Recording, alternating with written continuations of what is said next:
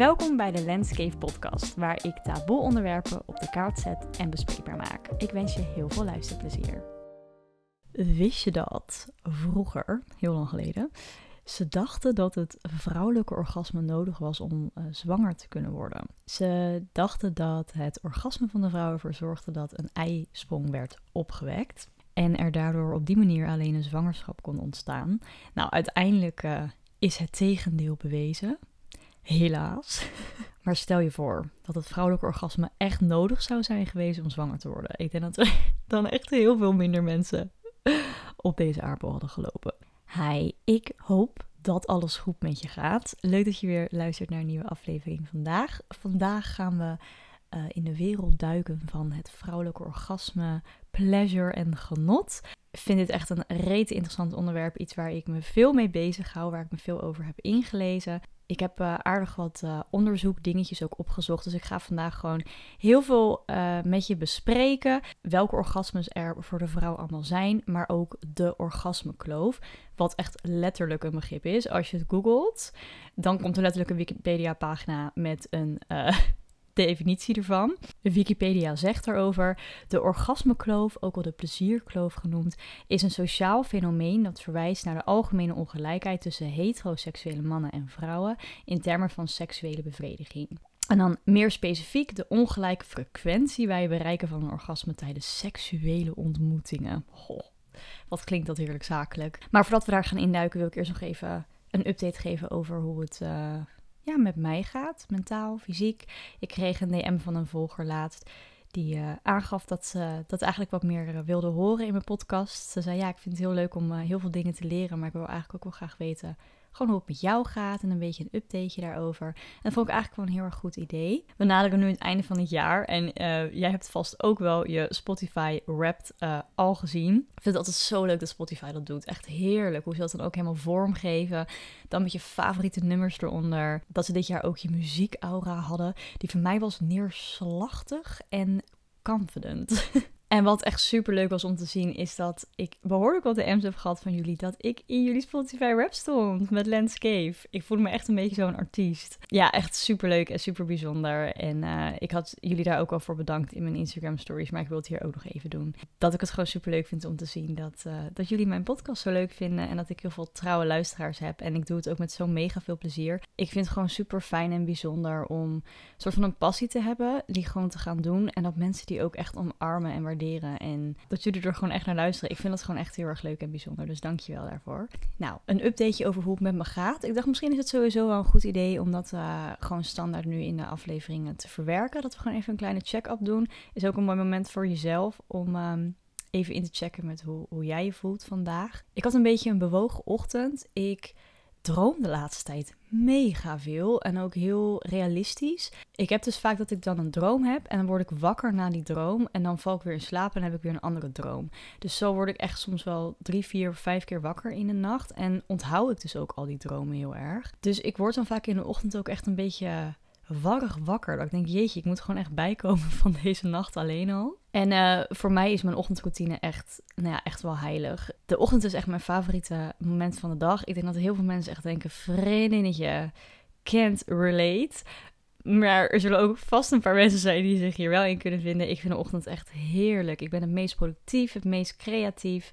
Ik heb het meeste energie. Ik weet niet, ik ben gewoon echt een, een morningbird. Maar ik werd dus vanochtend wakker door al die dromen ook. En ik was zo druk in mijn hoofd. Ken je dat? Dat je dan wakker wordt en dat je brein echt meteen aanschiet.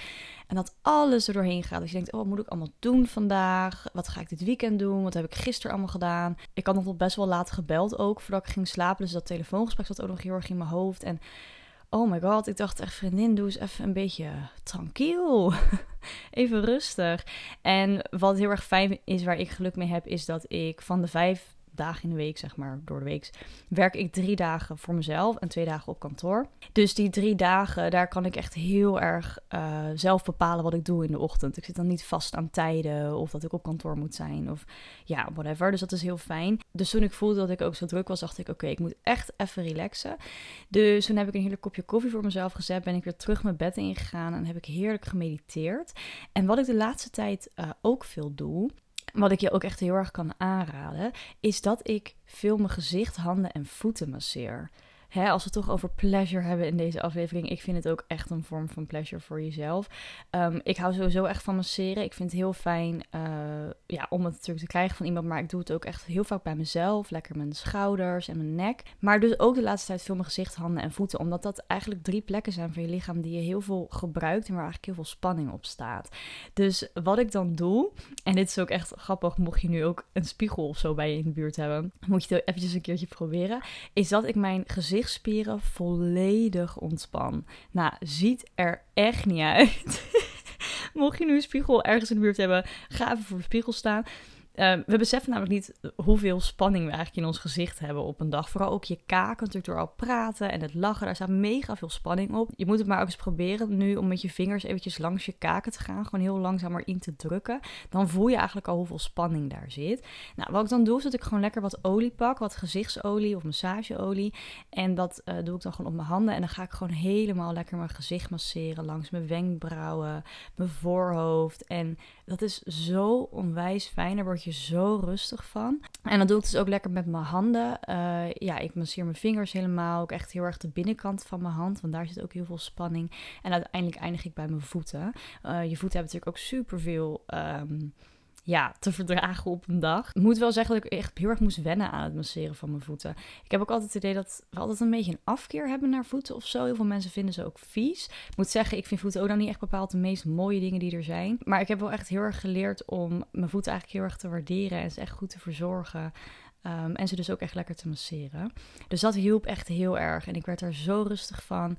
En uh, toen was ik echt helemaal ready om deze podcast op te nemen. Dus mocht jij je nu zelf ook bijvoorbeeld een beetje gestrest voelen of angstig, of je hebt gewoon veel spanning in je lichaam, probeer die plekken eens te masseren. Het hoeft echt helemaal niet lang te duren. Je hoeft er ook echt geen speciale techniek voor te hebben. Ik voel gewoon zeg maar mijn handen. Ik voel gewoon een beetje wat ik wil en, en waar, waar spanning zit. En daar ga ik gewoon masseren zonder na te denken. En dat werkt echt super goed. Verder voel ik me mentaal en fysiek eigenlijk heel erg goed. Ik had het ook al een beetje gedeeld op mijn Instagram. Dat ik de laatste tijd mentaal echt zo ongelooflijk goed in mijn vel zit. Ik denk dat ik bijna wel durf te zeggen dat ik nog nooit zo goed in mijn vel heb gezeten als uh, nu. Heel erg fijn, echt onwijs dankbaar voor. Um, dat komt onder andere omdat ik dit jaar, 2021, onwijs veel aan mijn mentale gezondheid heb gewerkt. Ja, 2019 en 2020 waren twee jaar voor mij waar het mentaal echt echt zwaar was. Vooral eind 2019, begin 2020 zat ik echt in een hele diepe dal. Ja, ik heb sindsdien gewoon heel veel aan mezelf gedaan. Ik ben in therapie geweest. Ik heb uh, dit jaar breathwork ontdekt, ademsessies. Toen echt onwijs goed voor me. Ik mediteer veel, ik doe veel yoga, ik sport veel. Ja, ik ben gewoon heel veel bezig geweest met mijn gezondheid in general. En ik merk echt dat dat nu de vruchten Wacht, is dat een de, de vruchten afplukt.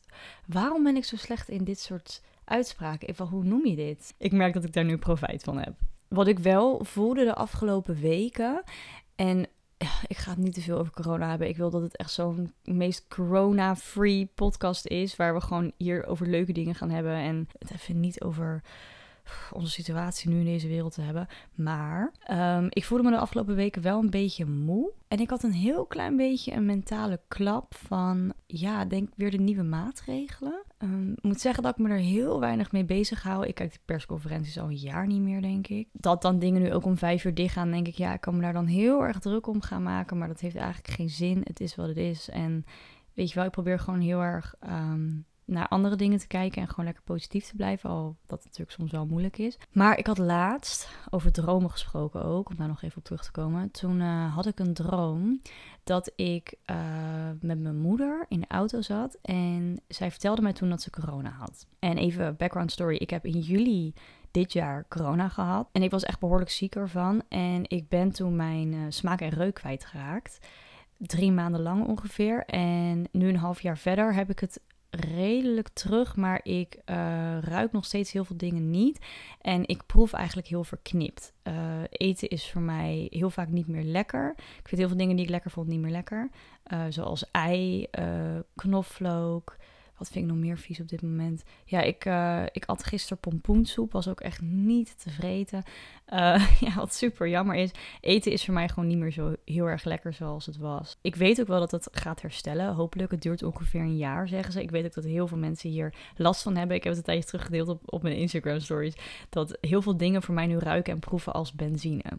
Letterlijke benzine. Nou, echt disgusting. En ik had toen zoveel reacties gehad van mensen die zeiden dat ze precies hetzelfde hadden. En ook een soort van wel, hoe stom het ook klinkt, gerustgevend of zo. Dat ik denk, oh oké, ik ben hier blijkbaar niet de enige in. Maar toen droomde ik dus, om daar nog even op terug te komen, dat mijn moeder dus zei van, nou, ik heb, uh, ik heb corona. En toen dacht ik, oh god, maar ik zit hier nu met jou in de auto, dus waarschijnlijk heb ik het nu ook. En toen was ik weer terug in mijn slaapkamer en moest ik dus weer in isolatie. Um, en ik heb toen ik uh, corona uh, had, heb ik een week lang helemaal geïsoleerd alleen in uh, mijn kamer gezeten en in, in mijn huis. Ik was helemaal alleen, mijn huisgenoten waren weg, mijn ouders waren op vakantie. Ik heb toen gewoon een week lang eigenlijk voor mezelf gezorgd. Um, en ik zat dus ook echt wel opgesloten in mijn kamer, omdat ik gewoon zo ziek was dat ik ook gewoon niet echt heel erg door het huis liep. Ik, ik was vooral de eerste drie dagen gewoon alleen maar in mijn slaapkamer. En ik kreeg toen heel erg paniek in die droom. Ik voelde me toen zo verstikt en was dan ook heel erg weer bang van... oh god, dan raak ik mijn reuk en smaak nog meer kwijt. En wat nou als het nooit meer herstelt? En toen werd ik wakker en ik was echt een beetje dat ik dacht... oh my god, het was echt echt naar. Het voelde echt als een soort van um, ja, stukje verwerking wat ik van die tijd moest doen. Um, terwijl toen ik corona had in juli, uh, ik het ja, natuurlijk, ik vond het rot, maar ik had zoiets van ja, heel veel mensen zitten hier nu in en het is maar een weekje. En ik was ook redelijk snel fysiek hersteld. Natuurlijk niet meer reuk smaakte, maar wel gewoon de rest. Um, maar ik denk dat, ik daar achteraf dus mentaal wel een grotere klap van heb gehad dan ik zelf door had. Dus die droom was best wel intens. En uh, daar was ik ook wel eventjes mee bezig. Dat ik dacht, oh, oké, ja, ik voel nu toch wel even iets meer die klap daarvan. En dan helpen die nieuwe maatregelen natuurlijk ook niet echt heel erg mee. Dus dat was wel even waar ik een beetje mee kampte. Maar goed, dat is helemaal, heeft verder helemaal geen grote impact of zo. Ik voel me verder echt hartstikke goed. Dus daar ben ik mega blij om. Ik uh, ja, ben gewoon echt gelukkig met mijn brein op dit moment. Klinkt misschien een beetje gek om te zeggen, maar Um, ik had er laatst ook een heel mooi gesprek over met iemand. Je, je hoofd en je brein, dat, dat kan een hele mooie plek zijn, maar ook een, een hele donkere plek op periodes. Of, of een plek waar je niet heel graag wil zijn. En ik zei op dit moment is mijn hoofd echt een paradijs. Als ik er naartoe ga en ik ja, ga lekker gewoon dagdromen of mijn hoofd in.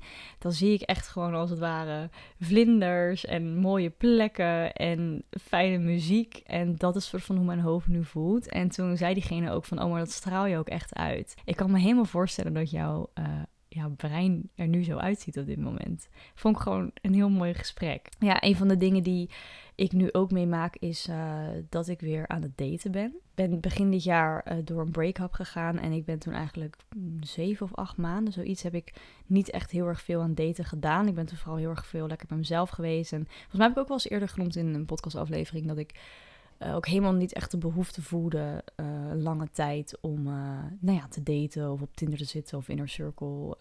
ja, ik had er gewoon niet zoveel zin in. Maar nu sinds een tijdje ben ik echt wel weer aan het daten met iemand. Dus ja, dat gaat ook heel erg goed en vind ik ook heel erg leuk. En het is ook natuurlijk altijd wel spannend. Um, ik vind daten super fun, maar ook echt wel ja, ja, wat ik zeg, spannend. Er komen altijd wel redelijk wat angsten voor mij bij kijken. Vooral als je merkt dat je iemand echt leuk begint te vinden. Dat je denkt van, oh god, het is toch een stukje controle wat je verliest. Maar die angsten nemen zeker niet de overhand. En uh, ja, die kan ik eigenlijk heel erg goed opvangen. En dat komt denk ik ook deels omdat ik nu gewoon mentaal op een hele fijne plek ben. Dus uh, ja, overal eigenlijk heel positief allemaal. Oké, laten we gaan duiken in het vrouwelijke orgasme. Een van de redenen waarom ik um, besloot om hier nu een aflevering over op te nemen, is omdat ik laatst een post voorbij zag komen op Instagram en die uh, ja, was me gewoon heel erg bijgebleven. Het ging over een studie die ze hadden gedaan. En daarin was uitgekomen dat 95% van de uh, vrouwen een orgasme ervaart als uh, ze masturbeert. Als een vrouw voor het eerst seks heeft met een andere vrouw, komt uh, ongeveer 64% Dus 64% van de, van de vrouwen komen dus met een andere vrouw als ze voor het eerst seks hebben met elkaar. Wanneer een vrouw voor het eerst seks heeft met een man, however, komen maar 7% van de vrouwen. Nou, toen ik dat zag, dacht ik echt wow. Dat is echt een heel groot verschil. En het zette me gewoon meteen aan het denken, omdat ik echt dacht van ja, hoe is dat eigenlijk bij mij gegaan? Want wat ik me kan herinneren, is toen ik jonger was, ik was zelf vrij jong toen ik met seks begon, ik was 15.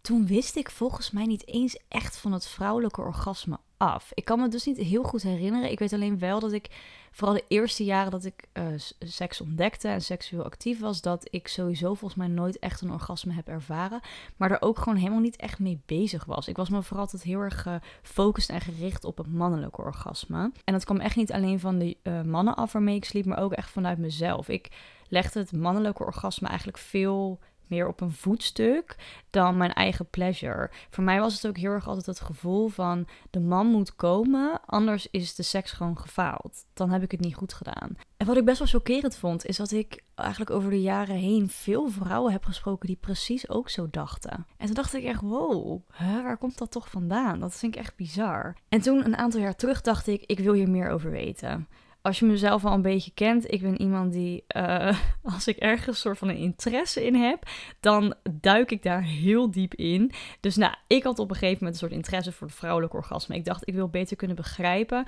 Um, ik had ook, to be honest, een beetje het gevoel alsof ik uh, ja, een beetje broken hierin was. Ik kon dus nooit echt een orgasme krijgen, had ik het idee. Ik wist niet zo goed hoe ik daar überhaupt kwam met een partner, maar ook niet met mezelf. Ik ging ook heel erg twijfelen, heb ik überhaupt wel een ervaren ooit? Kan ik überhaupt wel een orgasme krijgen? Um, wat voor mij ook altijd een beetje heel erg verwarrend was, of wat denk ik voor mij wel een soort vertekend beeld heeft gegeven, is dat ik uh, op een gegeven moment best wel veel porno keek. Vooral toen ik een jaartje of 17, 18 was. Toen keek ik voornamelijk uh, lesbische porno. Omdat ik uh, vaak heteroporno iets te heftig vond. Ik vond het heel hard en heel... Dat ik dacht, oh, hoe, ik vind het een beetje te intens. Uh, ja, ik vond vrouwelijke porno zeg maar wat liever. En daar kregen die vrouwen altijd zulke heftige orgasmes. Dat ik echt dacht, wow, wat is dit? Hoezo ervaar ik dit niet? En hoe kom je daar dan? Ja, ik denk dat ik daardoor ook heel erg een bepaald beeld kreeg van dit is hoe een orgasme moet zijn.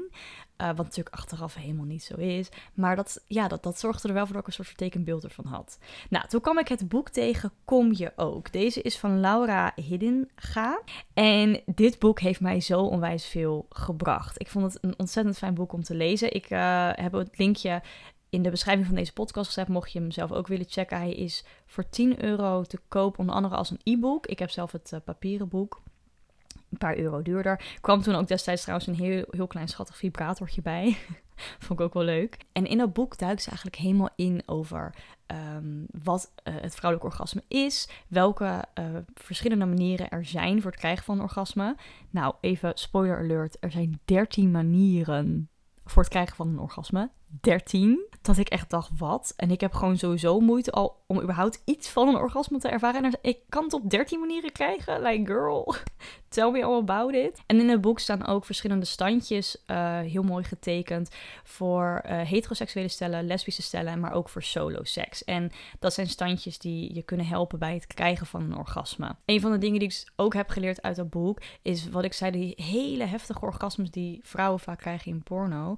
Um, dat hoeft helemaal niet de way te zijn hoe jij een orgasme krijgt. Je kan bijvoorbeeld ook uh, hele lichte kleine orgasmes ervaren. Hele kleine piekjes als het ware. Dat is dat je eigenlijk een heel klein piekje voelt en dan daalt hij weer af. En die heb je dan eigenlijk meerdere keren tijdens dat je seks hebt. En dat was voor mij heel herkenbaar. Dat ik dacht, oh hé, hey, volgens mij heb ik dit. Mocht je nu denken, vriendinnetje, vertel even die 13 manieren dan, hoe je een orgasme krijgt. Ik pak het boek er even bij. Dan heb je er een beetje een beeld van. Oké, ik moet even zoeken hoor. Als eerst heb je de clitoraal orgasme, ook wel de klitorgasme. Je kan ook komen via de G-spot, dus via uh, penetratie, vingeren. Je hebt ook de blended orgasme.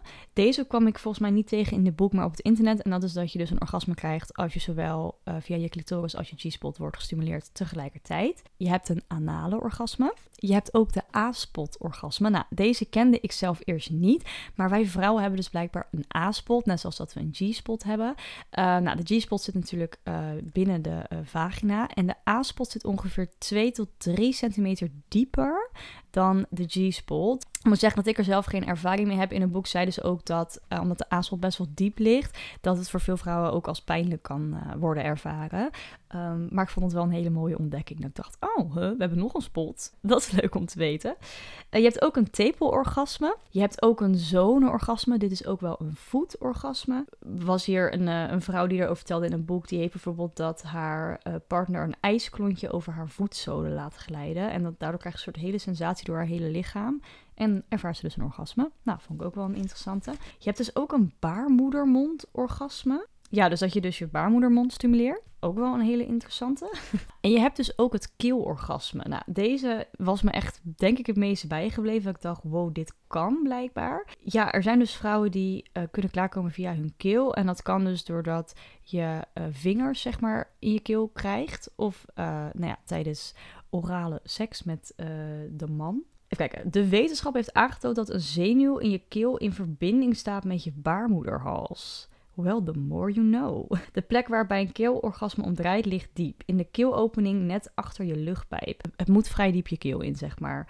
Uh, dus het is zeker niet voor iedereen weggelegd. Maar goed, het, is dus iets wat kan. Nou, ik vind dat echt super bijzonder. Je hebt ook een mentale orgasme. Dat is dus eigenlijk letterlijk dat je een orgasme krijgt uh, door uh, ja, je gedachten. En dus niet per se aangekaakt hoeft te worden. Ik heb dit trouwens zelf ik denk twee of drie keer meegemaakt. Ik kan me nog heel goed herinneren. Ik was toen op vakantie, echt lang geleden, een paar jaar geleden, met uh, mijn ex-vriend toen. Uh, en het was midden in de nacht en ik had gewoon een hele intense droom. Ik weet niet meer wat het was. Ik kan het ook echt niet meer voor me halen. Maar het was in ieder geval een hele leuke droom, dat weet ik wel. En toen werd ik dus wakker van een orgasme. Uh, het was gewoon echt alsof je nou ja, net als dat je seks hebt en dus ook een orgasme krijgt, hoe je lichaam daarop reageert. Dus dat je ook echt best wel een beetje gaat trillen en je benen spannen samen. Dat ervaarde ik dus terwijl ik droomde. Nou, ik vond dat zoiets bijzonders en ik werd er dus ook wakker van. En toen was ik ook echt gewoon een paar minuten een beetje in shock. Dat ik dacht, wat is er nou zojuist gebeurd? Huh? Ik vond het zo bizar. En het is daarna denk ik nog één of twee keer gebeurd. Je hebt ook een meervoudig orgasme. Dat is dat je meerdere orgasmes achter elkaar krijgt. Um, dus eigenlijk op het moment dat je die eerste uh, ervaart, blijven ze komen. Dit is een, een vrouw in een boek die erover vertelt. Ze zegt dat er heel soms pauzes tussen zitten, maar soms blijven ze ook gewoon continu achter elkaar komen. En dat het best wel heftig is en ook behoorlijk uitputtend. Nou, daar kan ik me ook echt wel bij voorstellen. Um, en ze zegt ook dat ze soms achteraf spierpijn kan ervaren. En dat het dus niet altijd prettig is. Dus het kan heel fijn zijn, maar het kan ook een beetje too much zijn. Goed, dat is in ieder geval eventjes een handgreep uit, uit het boek. En uh, de verschillende orgasmes die ze daarin noemen. Ja, ik vind het echt mega interessant. Net zoals ik deze orgasmes nu heb opgenoemd, heb je zelf ook vaak wel een beetje het idee van... oh ja, dit, dit is wat voor mij en dit is niet wat voor mij. Het is in ieder geval heel fijn om, uh, om erover te lezen. En ook gewoon heel erg leuk dat je gewoon weet dat het bestaat. Ik uh, ben toen op een gegeven moment wat meer gaan induiken over... oké, hoe kan het nou dat die orgasmekloof zo duidelijk is? En vooral ook dus bij blijkbaar heteroseksuele koppels. Ik had nog een onderzoek gevonden van de Sexual Behavior Study. En daaruit uh, is dus gebleken dat de meeste vrouwen komen via orale seks. Vergeleken andere uh, activiteiten die je kan doen in bed. Dus bijvoorbeeld uh, zoenen, letterlijk penetratie. Um, dus penetratie zowel met dus je vingers of andere voorwerpen of gewoon de penis. Moet zeggen dat ik altijd met deze studies en onderzoeken denk van ja, oké...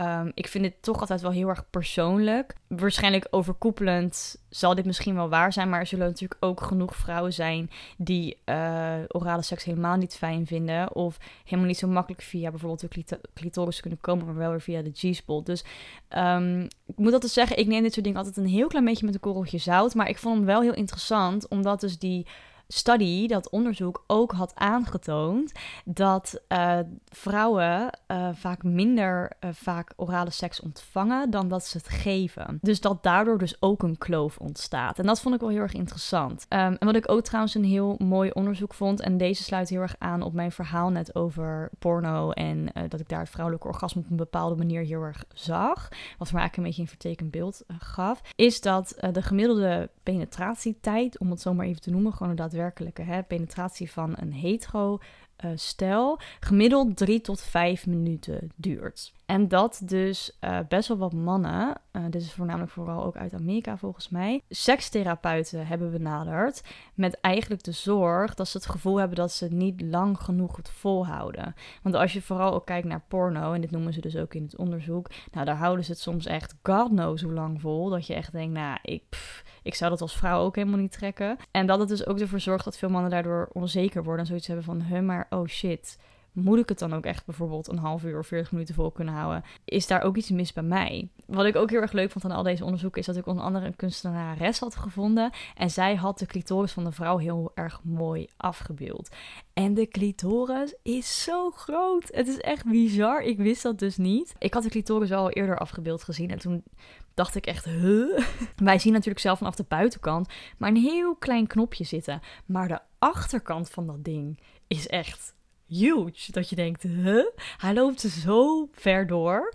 Ik heb ook even in de beschrijving van deze podcast een, uh, een linkje geplaatst aan dat artikel. Uh, daar zie je dus het kunstwerk van de vrouw, hoe ze dat heeft gemaakt. En daar zie je hem dus heel erg mooi afgebeeld. En het is gewoon echt bizar. En ook wel chockerend dat ik denk, hoezo wist ik dit soort van niet al veel eerder? Ja, in mijn beleving is dat ook echt nooit echt... Uh, in biologieles of seksuele voorlichting dat ik daarin echt heel erg de clitoris afgebeeld heb gezien. Ik zag daar vooral eigenlijk mijn baarmoeder en mijn eierstokken en nou ja, dat hele praatje. Wat natuurlijk ook super belangrijk is, hè, daar niet van. Maar als we het dan nu even over pleasure hebben, uh, ja, miste ik dat wel. Dus een paar jaar geleden, toen ik ook dit boek Kom je ook aan het lezen was en dus me bewust was van die orgasmekloof en dus ook heel erg bij mezelf zoiets had van, oké, ik wil hier wat aan doen. Toen ben ik het eigenlijk veel meer mee gaan nemen in bed en ben ik eigenlijk mijn eigen pleasure um, ook wat meer op een voetstuk gaan zetten eigenlijk op hetzelfde voetstuk als die van de man. Want ik uh, vind ze beide even belangrijk. Ik ben toen ook best wel veel gaan nadenken. Ik heb ook best wel veel gesprekken gehad. Sowieso met uh, toen mijn bedpartners, maar ook uh, ja, gewoon met vriendinnen of andere mannen.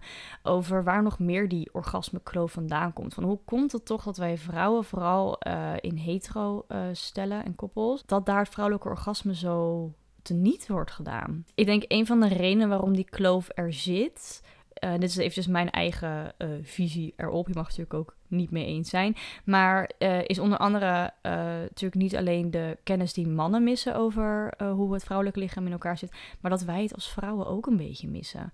Ik wist dus gewoon, again, niet veel. Zo, bijvoorbeeld dat ik niet helemaal niet weet hoe de achterkant van mijn clitoris eruit ziet. Like, huh? maar ook dus heel erg de kennis over het orgasme. Uh, welke manieren er allemaal zijn, uh, wat voor soorten orgasmes er zijn. Waar ik bijvoorbeeld achter ben gekomen is dat voor mij een um, clitorisorgasme veel intenser is dan een G-spot orgasme. Kwam ik erachter dat heel veel vrouwen uh, niet eens kunnen komen via hun G-spot. er zijn ongeveer 10 tot 15 procent van alle vrouwen die kunnen komen via echte penetratie. Ik ben one of the lucky ones die dat kan. Alleen is mijn orgasme via mijn G-spot gewoon veel meer geleidelijk en meer kleine piekjes. En is die via de clitoris veel heftiger. Dus dat waren gewoon dingen waar ik achter kwam. Van ik dacht, oh hé, hey, oké. dus ik, ik ervaar het dus ook op verschillende manieren. Ik hoef niet altijd een mega piek te hebben. Um, hij kan dus ook heel klein zijn. En die kan ik ook als net zo prettig ervaren. Nou, sowieso wat ze ook zeiden, de, uh, het voorspel wat heel vaak mist. Of wat gewoon best wel karig is. Als vrouw heb je echt echt goed en lang voorspel nodig. Ik ga even een stukje voorlezen uit het boek van Kom je ook, waarin ze dus heeft over eh, de misconception dat je voorspel makkelijk kunt overslaan. Het lichaam van een man is snel seksklaar, een erectie en hij is klaar voor de strijd, hoewel dit niet bij elke man vanzelfsprekend is. Het vrouwelijke lichaam heeft daarentegen tijd nodig om zich voor te bereiden op penetratie. Gemiddeld duurt het 20 minuten voordat een vrouw volledig opgewonden is. Die tijd is nodig om genoeg vocht aan te maken en ruimte te creëren. Ga je te snel van start, dan kan seks pijnlijk zijn. andere kant heeft niet elke vrouw een volledig half uur nodig om haar innerlijke motortje op te warmen. De een wordt sneller vochtig dan de ander. Het is heel belangrijk om dit van jezelf te weten, zodat je bij een ongeduldige bedpartner op kan wijzen dat hij nog geen toegang heeft tot jouw schatkamer. Heel mooi verwoord. En ik kan me herinneren dat ik ook heb gelezen in het boek. Ik kan nu even niet zo snel vinden. Maar waarin ze zei dat um, als je als vrouw um, voorspel hebt, dat je baarmoeder letterlijk een heel klein beetje omhoog schuift om dus ruimte te creëren voor penetratie. Dus op het moment dat je daar niet genoeg de tijd voor neemt, dan kan dus ook seks uh, pijnlijker zijn. Ik weet niet of je dat zelf wel eens hebt ervaren als vrouw, maar dat, dat je bijvoorbeeld de baarmoedermond raakt, nou dat doet echt ongelooflijk veel pijn.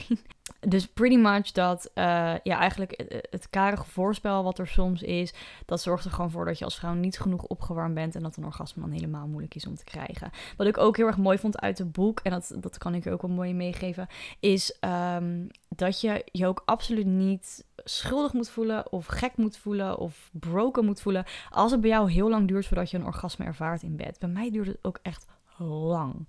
Eh, er zijn heel af en toe momenten dat uh, mijn lichaam wat sneller ready is en dat het, dat het wat sneller gaat. Maar ik heb gemiddeld ook echt zeker 20 tot 30 minuten nodig ja, om eigenlijk te komen waar ik wil komen. En met voorspel uh, bedoel ik dan niet alleen echt letterlijk handwerk en oraal, orale seks, maar je kan natuurlijk ook het zien als zoenen, strelen, masseren eigenlijk alle handelingen die je doet uh, voordat je tot penetratie overgaat als heteroseksueel um, persoon. Het is ook heel fijn om van jezelf te weten uh, hoe lang het voor jou duurt. Leg anders even een timertje naast je neer, zodat je precies weet. Nee, maar het is, het is wel, wel fijn. Uh, of, of, het kan een soort van relief geven dat je soms ook aan je jezelf toe kan geven. Stel, hey, je, doet er ook langer over. Um, dat dat zo is en dat je gewoon die tijd nodig hebt. En daarin kan je dan ook met je bedpartner dat communiceren. Een van de dingen die ik ook ben gaan ontdekken bij mezelf, is dingen die me ervan weerhouden om een orgasme te krijgen. Ik moet me bijvoorbeeld volledig kunnen ontspannen als ik uh, best wel veel in mijn hoofd zit. Dus bijvoorbeeld me gestrest voel of gewoon een beetje veel pieker, gewoon sowieso al. Dan is het voor mij moeilijk om um, dat soms volledig los te laten in bed en daardoor dus een orgasme te ervaren. Ook dingen als mijn omgeving, die moet voor mij ook echt kloppen dat ik me er helemaal fijn en veilig in voel. Dat ik het niet te warm heb, niet te koud, dat de muziek me niet afleidt. Ik, ik raak heel erg snel gewoon afgeleid op het moment dat ik ja, soort van een orgasme wil ervaren. Dingen kunnen mij er gewoon heel snel uithalen. Daar kan ik gefrustreerd om raken, maar dat is gewoon zo. Dus het is voor mij gewoon heel fijn om te weten dat ik dat heb. Um, en dus ook op het moment dat het niet lukt. Um, ik heb ook wel eens gehad dat uh, ja, mijn bedpartners dat wel eens moeilijk vonden. Of dat ze sowieso hadden van ja, ik wil gewoon heel graag dat het lukt. En dat ze het misschien best wel ook op zichzelf konden betrekken. Dat ik ook echt aangaf van it's not you. je doet het hartstikke fijn en je doet precies zoals ik het wil. Alleen op dit moment zijn er gewoon te veel dingen in mijn hoofd of in de omgeving die me gewoon afleiden, waardoor ik mezelf niet volledig daaraan over kan geven. Wat ik gewoon heel erg fijn vond aan mijn ontdekking van mijn eigen orgasme en gewoon de kennis van het vrouwelijke orgasme, is dat er zoveel verschillende zijn. Je kan het op zoveel verschillende manieren krijgen. Op hele hoge pieken, meer op lage pieken. Zeg maar, elk orgasme is normaal. Um, er is geen één manier om een orgasme te krijgen. Dus laat je daardoor ook echt vooral niet um, verwarren. Bijvoorbeeld door een porno, zoals ik dat uh, heb gehad. En een van de dingen die ik ook heel erg uit mijn hoofd eindelijk heb kunnen krijgen, is dat als jullie niet komen, beide niet tijdens de seks, dan is er echt helemaal niks aan de hand. Niemand heeft gefaald. Ja, er is ook vaak genoeg dat, uh, dat het bij de man niet gaat. Of dat we gewoon tussentijds moeten stoppen omdat de een geen zin meer heeft of mooi is. Of dat het gewoon, ja, soms wil je gewoon stoppen. Dat kan gewoon. Ik heb ook vaak genoeg uh, seks waar ik geen orgasme nog ervaar. Uh, zoals ik dus al zei, om heel veel verschillende redenen. En daar maak ik me ook helemaal niet meer zo druk om. Dat ik zoiets heb van ja, soms, op sommige dagen lukt het gewoon niet en that's fine. Ja, en, en wat er trouwens voor mij ook heel erg in helpt, mocht je dat herkennen, dat je soms gewoon niet helemaal even lekker goed in je lichaam zit of in je hoofd, maar dat je wel heel erg graag bijvoorbeeld een orgasme wil ervaren uit vooral ontspanning bijvoorbeeld, is om gewoon lekker een vibrator of iets mee je bed in te nemen. Ja, dat je gewoon speeltjes meeneemt of dingetjes die voor jou uh, extra helpen um, om daar te komen waar je wil komen. Dat is ook zeker iets wat ik uh, nu ook doe. Um, vooral ik dus heel erg pieker of in mijn hoofd zit, denk ik, nou, ik neem gewoon even mijn extra hulpmiddel mee. Ja, dat, dat helpt ook zeker. Nou, dit was uh, de wereld van het vrouwelijke orgasmen voor vandaag, waar we in zijn gedoken. Ik hoop dat je het leuk vond om te luisteren, dat ik je wat inzichten heb kunnen geven en... Um, ja, ik vind het gewoon een mega interessant gesprek. Ik hou er gewoon echt van om het over te hebben. En vooral omdat de kloof, het is gewoon een ding. Het is letterlijk een begrip. En dan voornamelijk onder hetero stellen. En dat vind ik best wel heftig. Dat ik denk van, oh, het is gewoon echt, ja, echt wel een probleem. En iets wat gewoon super zonde is. En waar we met z'n allen echt ja, wel meer aan kunnen werken. Zowel de man als de vrouw. Mocht je deze aflevering in de ochtend of middag luisteren, dan wil ik je nog een hele fijne dag wensen. En mocht je deze nu voor het slapen gaan luisteren, dan wens ik je een hele fijne nachtgestoel. Ik hoop dat je heel leuk en fijn gaat dromen. Dromen over het vrouwelijke, orgasme en alle leuke dingen die erbij komen kijken. Meid, misschien ervaar er nog wel een vannacht. Ik wil je onwijs bedanken voor het luisteren en tot de volgende keer.